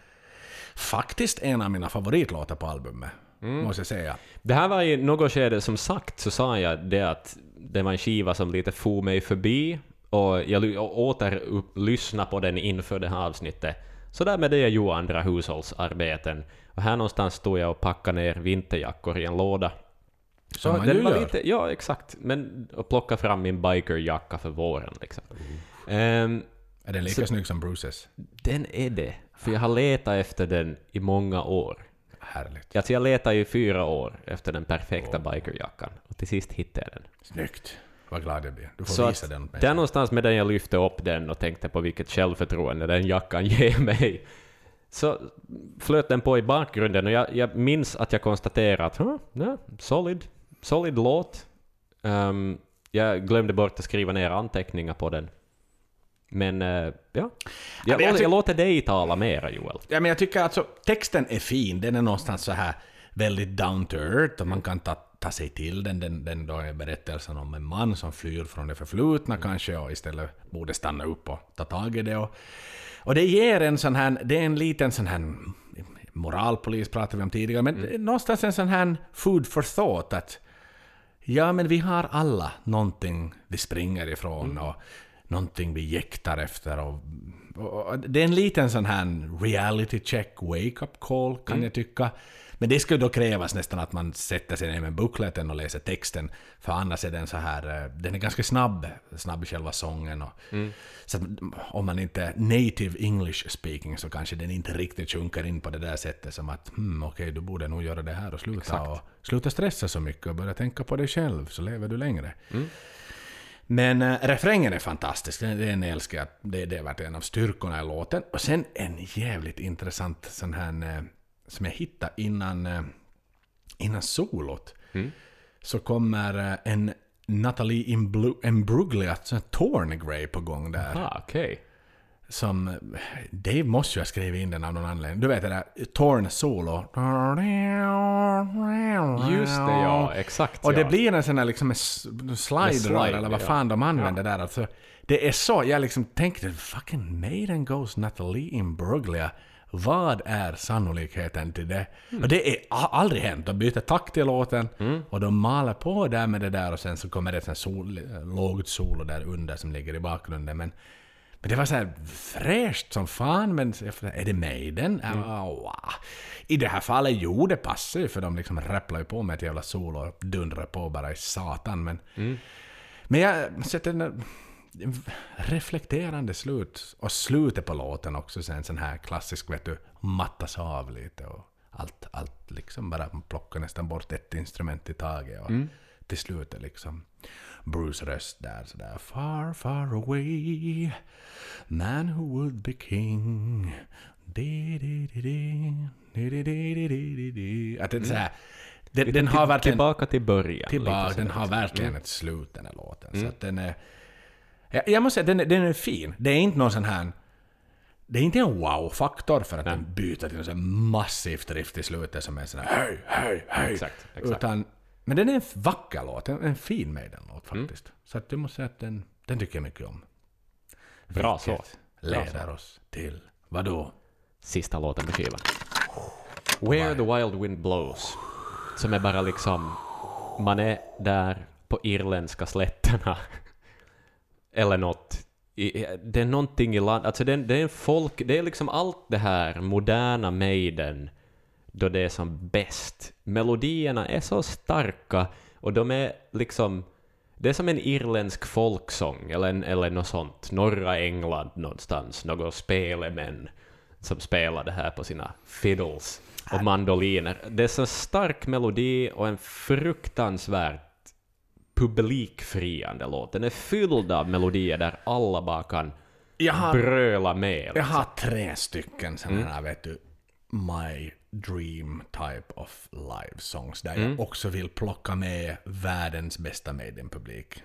Liksom, du vet, jag skulle få handplocka publiken som jag vet att, som alla vill ha. Och sen klona dem. Och klona dem och alla 30 000. står first to the barrier. Yes. Som, som kan och som vill. En väldigt det- lång scen skulle det bli. En bred scen. Om alla är längst Alla står, fram. ja, alla står längst fram också, så det, det kan inte fyllas på bakåt. Nej. Men det ska ändå höras i stereo som att de står bakom. Precis. Men, men det här, Where the Wild Wind Blows, är definitivt en av dem. Mm, Den andra är The Clansman. Ja, det är liksom en förstås. sån här... Wow. Kom med... No, fel sångare är väl fel att säga. Mm.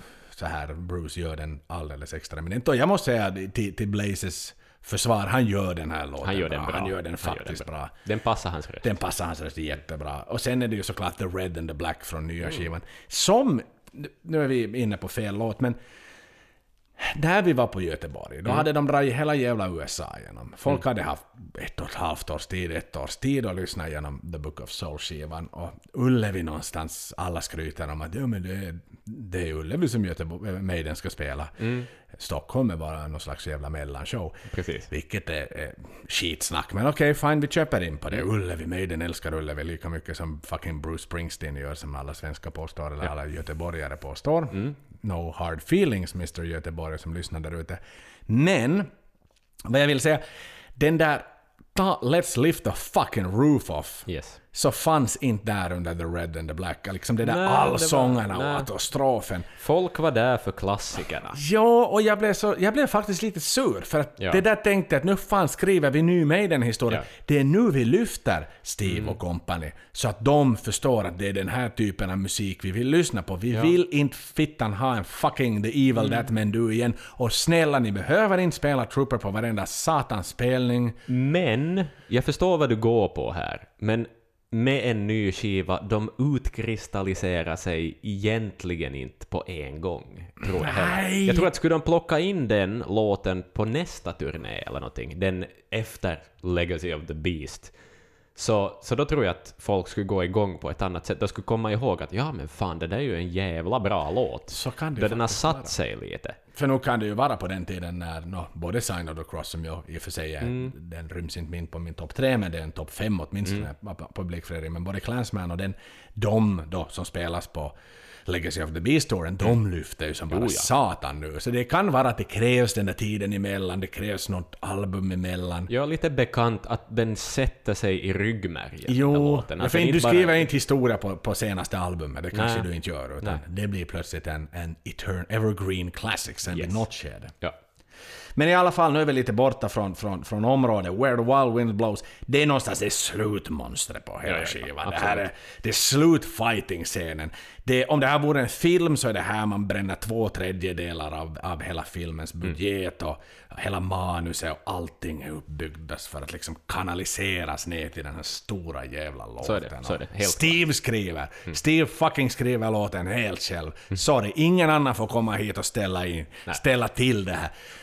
Tack, ni har fått vara med på hela tågresan hit. Nu är det slutstationen som gäller. Nu tar jag över pennan och jag tar över det här jävla pappret och så levererar ni. Och som den levererar. Exakt. Ja. Alltså det är ju en, alltså i melodi och i stämning så är det ju fan en Clansman 2. Alltså, Absolut. Den är ju det. Och Det är så många delar och de, Ja. liksom, de lyfter upp en efter en annan. ja, så är det. Och en sån här klassisk episk Maiden-resa i sin längd.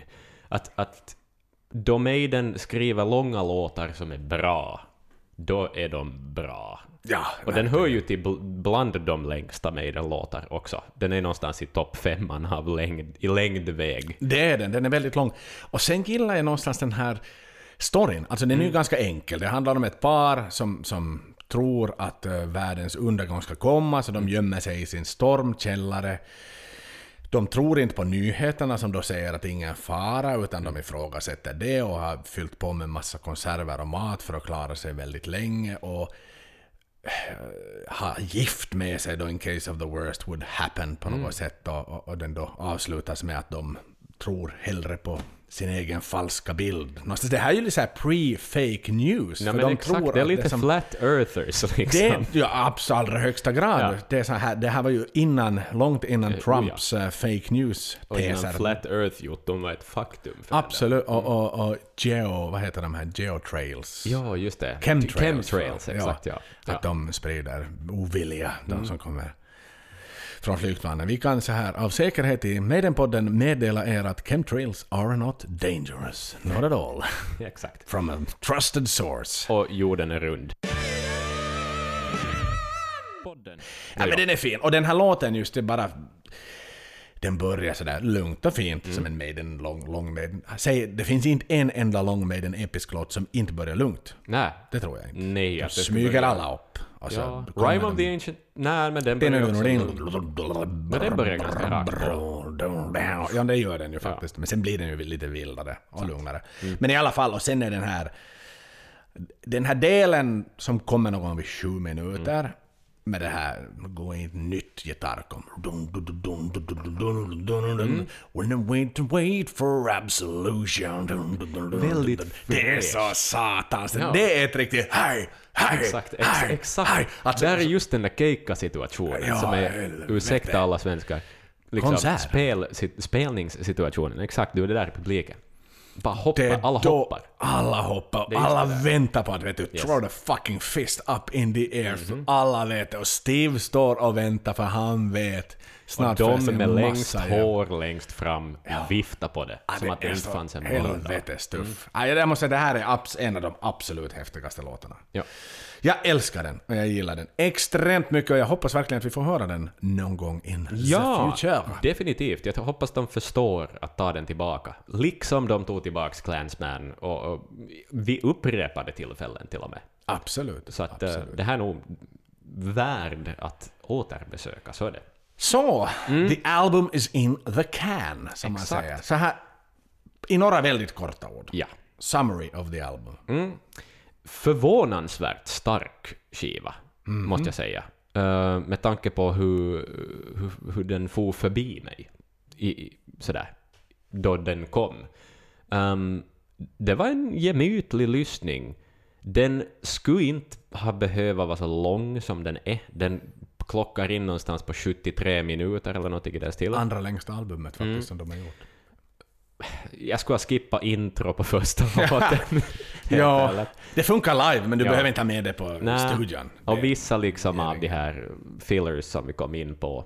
Eh, men den har, ju, den har ju verkligen sina stunder. Och jag är benägen, alltså nu snackar vi ju, nu hade ännu inte Red and the Black kommit ännu, Mm. eller Book of Souls uh, albumet.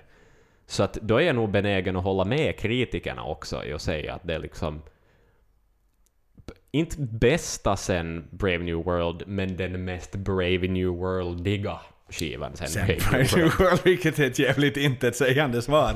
Men, eh, Nej men den är bra, för. Brave New World är ju Det är fantastisk. ju ett bra, det är, Ja. det är ju någonstans... Det är där Maiden sätter kvalitetsstämpeln att vet ni vad, vi är redo att stiga in på 2000-talet. Oh ja. Vi var inne i en satans svacka tyvärr med X-Factor och Virtual Mm. Elevens och också, nu, förlåt nu bara, men Fever the Dark och No Prayer for the Dying, det var ju inte som att de sålde platinum och guld och åkte runt en jumbojetta där och badade i champagne. Så att någonstans, det där satt ju hela den här jävla No, det är anledningen till att Maiden finns idag, om vi är helt ärliga. Jag, är tror inte att de hade orkat traggla på om, om allt som inte hände, you know, Brave New World Time hade hänt. Så enkelt är det ju faktiskt, ja. ingen orkar ju, om inte man är Saxon. yes hörni, The Final Frontier ledde ju såklart, så som varenda Maiden-album leder till, En turné. till en turné. Och den här turnén var lite konstig i sitt slag, för de hade liksom en pågående turné som kom ut när albumet gavs ut, som de var på, hade kontrakt med Sonisphere Festival, så de var på jävligt mycket Sonisphere-konserter runt om i Europa, bland annat i Björneborg, vilket är första och hoppeligen enda gången de spelar i Björneborg. Jävla skitstad. Men i alla fall... Det är som äh, Vasa fast sämre. men det, är det, det är en grå stad. Man kör in i den så stänger man ögonen och hoppas att bilen hålls på vägen. Sant. Och så öppnar man dem 30 minuter senare så är man utanför. Så är man nöjd och glad. Men hur som haver, de började, eh, tittar vi nordiskt mått mätt, så spelar de på Roskilde faktiskt. Vilket är någonting så här mindre och mindre sällan, ofta de ju spelar på, på Roskilde. Ja, Sen följt av Göteborg på Ullevi stadion. Givetvis. Den eh, första juli. Det var trevligt. Sen åkte de över till Oslo i Norge på Telenor Arena. Och eh, den 8 juli spelade de på Olympic Stadium där även jag var. Var du där Axel? jag var inte där. Jag Du var inte där den turnén. gången. Nej. Och det var då jag gick Det var och en kissade. fattig studerande som inte hade råd. Aj, aj, aj, aj, aj. Jag var en fattig studerande som inte hade råd med någonting annat än en Maiden-biljett. Mm. Det var då jag gick och kissade under Coming Home, som jag pratade om tidigare. Men i alla fall, det var, det var eh, den svängen de gjorde. Det som är, är ganska anmärkningsvärt på själva setlisten på, på deras live-tour, när de öppnade ju såklart med Satellite 15, vilket kunde vara en live-introlåt. Spela Janik det där. Nej, jag tror det var recorded. Så, så här, det, det lyssnades där, men de stod inte och spelade. Men hur som haver, det kunde ha varit vet du, Arthurs speech, som är rock'n'roll, ja, som är bombastiskt och stort. Men i alla fall då, följt av Final Frontier, följt av Eldorado, så so far so good, följa strukturen. Sen får vi söka oss ner, då var det Two Minutes i mi- mitten, Talisman och Coming Home. Och sen var det liksom... eh, Och vad var det du var då det var Coming Home? Jag var på Bajamaja-pissoaren. Just det. och sen, vad heter det, avslutade de då, eller avsluta, avsluta, men sen kom Where the Wild Winds Blow. Och det var liksom that's it från den skivan. Så Det var inte många låtar. nej men då tar du föregående, A Matter of Life and Death. Hur många låtar spelar de live från skivan? Hela på- albumet. Exakt. Så att det här skänkel... Alltså, Where the Wine Winds Blow, fine. Uh, flygplanslåten, fine. Mm. Men och de andra är så jävla långa, är det det att det är som tjuvar från The Evil That Men Do? Nej men exakt, det kan nog vara ja. Um, Number men jag menar vad fan, jag menar folk har ju redan köpt biljetter ändå, så vad har de att förlora på att spela lite nytt? Absolut, och någonstans har ju folk köpt biljetter för att förbereda sig för det här, en promotion tour för albumet. Det är inte Men det du, ju Best of the Beast. Nej men då är det ju många som lyssnar på dem för nostalgin också. Ja men bara för att ta ett fucking konkret exempel nu när jag var på Tele2 i somras med, med, eh, med eh, Legacy turnén så, så en, en som var chef på mitt jobb tidigare och han var jättehyped sådär innan och jag visste att ja, nej, men det här är en sån här jävla semester med den firade. Sån här uh, uh. Exakt. Så, så, så går han och visar en bild på Lars Ulrich som han har träffat dagen innan säger ja, ja, det är en sån här Ja.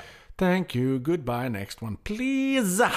Men hur som haver, så när vi frågade honom "Nå, vad tyckte du om konserten dagen efter på jobbet och han var såhär ah, fan, jävligt mycket konstiga låtar. Och jag var såhär, Vittu, hördu, fuck me, för att det här Legacy of the Beast är den bästa fucking fanbase touren ever. Det är Sign of the Cross, det är fucking Clansman. De spelar vittu episka låtar och lite av det här vittu dussengodset som de alltid levererar för de här popcornsätarna som har Yes. seatings fucking högst upp i arenan. Det här är för oss. Och fucking, jo, ha inte mage att klaga när du ser hur fansen som står där nere och har betalat för jävligt mycket mer än vad du har gjort taggar till tusen och älskar vad de hör. Exakt. Så det där är just sån här... Men, men det har väl kanske med den saken att göra då.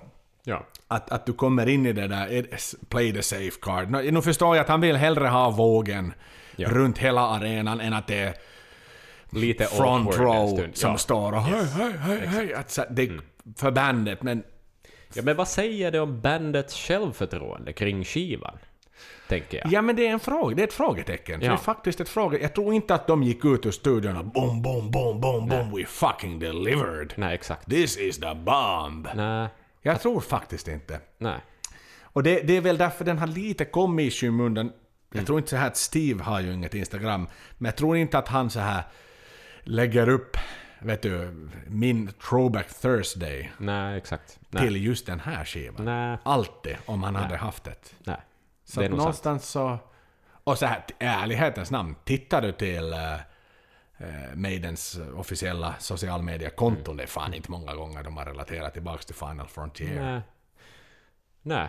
Men, men det är en solid, bra skiva. Men, men saknar den lite självförtroende? Jag tror det, jag saknar tror det. den det där utrymme som de andra har fått som den aldrig fick? Jo. Och hur var det liksom scenmässigt? Jag menar, men A det var Matter stor, of var Life and Death fin, till var- exempel hade ju pansarvagnar. Ja, ja, ja, men den där var jävligt fin också. Det var sån här rymdstationsgrej och några jävla pelare som Så det var liksom nog satsat och ja, ja, det var helhjärtat det. Det var det nog i allra högsta ja. grad.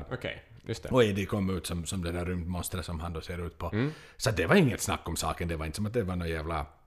De vet du, akustik. Nej, exakt. Så här att nu går vi ut med varsin akustisk gitarr på en pubscen. Nej. Utan det var bombastiskt som allt. De hade ju flygplan på den här turnén också ska det fan med tilläggas. För det var en World Tour. Mm. Och det var samma typ av flygplan som de hade under... Uh, tid, hel, hela, helt enkelt Somewhere in time. Somewhere Back, Back in in. Time Tour, Ja, exakt. Så att Ja. På det sättet var det satsat på, det var bombastiskt. Men, men det här är lite av en... Det är en liten sån här... Den hamnar där. Den hamnar där. Det är när du ska koka spaghetti på spisen, du vet att det finns sex liksom, nivåer. Mm. Men du liksom börjar sätta på fyran och sen väntar du lite för länge innan spagettin blir färdig. Ja, precis. Och ändå är du hungrig. Ja. Mystisk Och det är liksom sådär, men- det är de där skorna du har köpt någon gång, som du tyckt om jättemycket i butiken, Mm. men så har du använt dem två gånger, konstaterar du, då Marie Kondo har sagt åt dig att gå igenom dina skor. Eller det är som det där specialkaffe som säljaren lurar på dig som smakar jättegott i butiken i den där lilla plastkoppen och du tänker oh, det här blir bra. Och sen kom det liksom aldrig bryggaren för, för det vanliga kaffet tog sin plats. Precis. Och det ligger där i hyllan, du ser på det. Mm. Men sen den där vackra dagen så tar du ner det där kaffepaketet innan det har blivit gammalt Ja. och så fyller du bryggaren och så märker du att wow, det här var fan är gott. Och jag tror att en del av varför den här skivan inte riktigt slog är temat i sig. Mm. För att de tidigare minns... A Matter of Life and Death är den där krigsskivan. Ja. Och, och Book of Souls är den där episka skivan. Mayan. Precis. Men den här är liksom lite comic book alien-skivan och det är lite på något vis, det finns jättelite seriositet i omslaget. Ja, Och- det är ingen och sån här. Den, är, den väcker inte en lust att lyssna på den. På något vis. Jag bara tittar på omslaget. Nej men jag håller det, det är Ja. faktiskt... Det, det, det ligger något i det. Mm. Det, är en, det är en Maiden-skiva. That's it.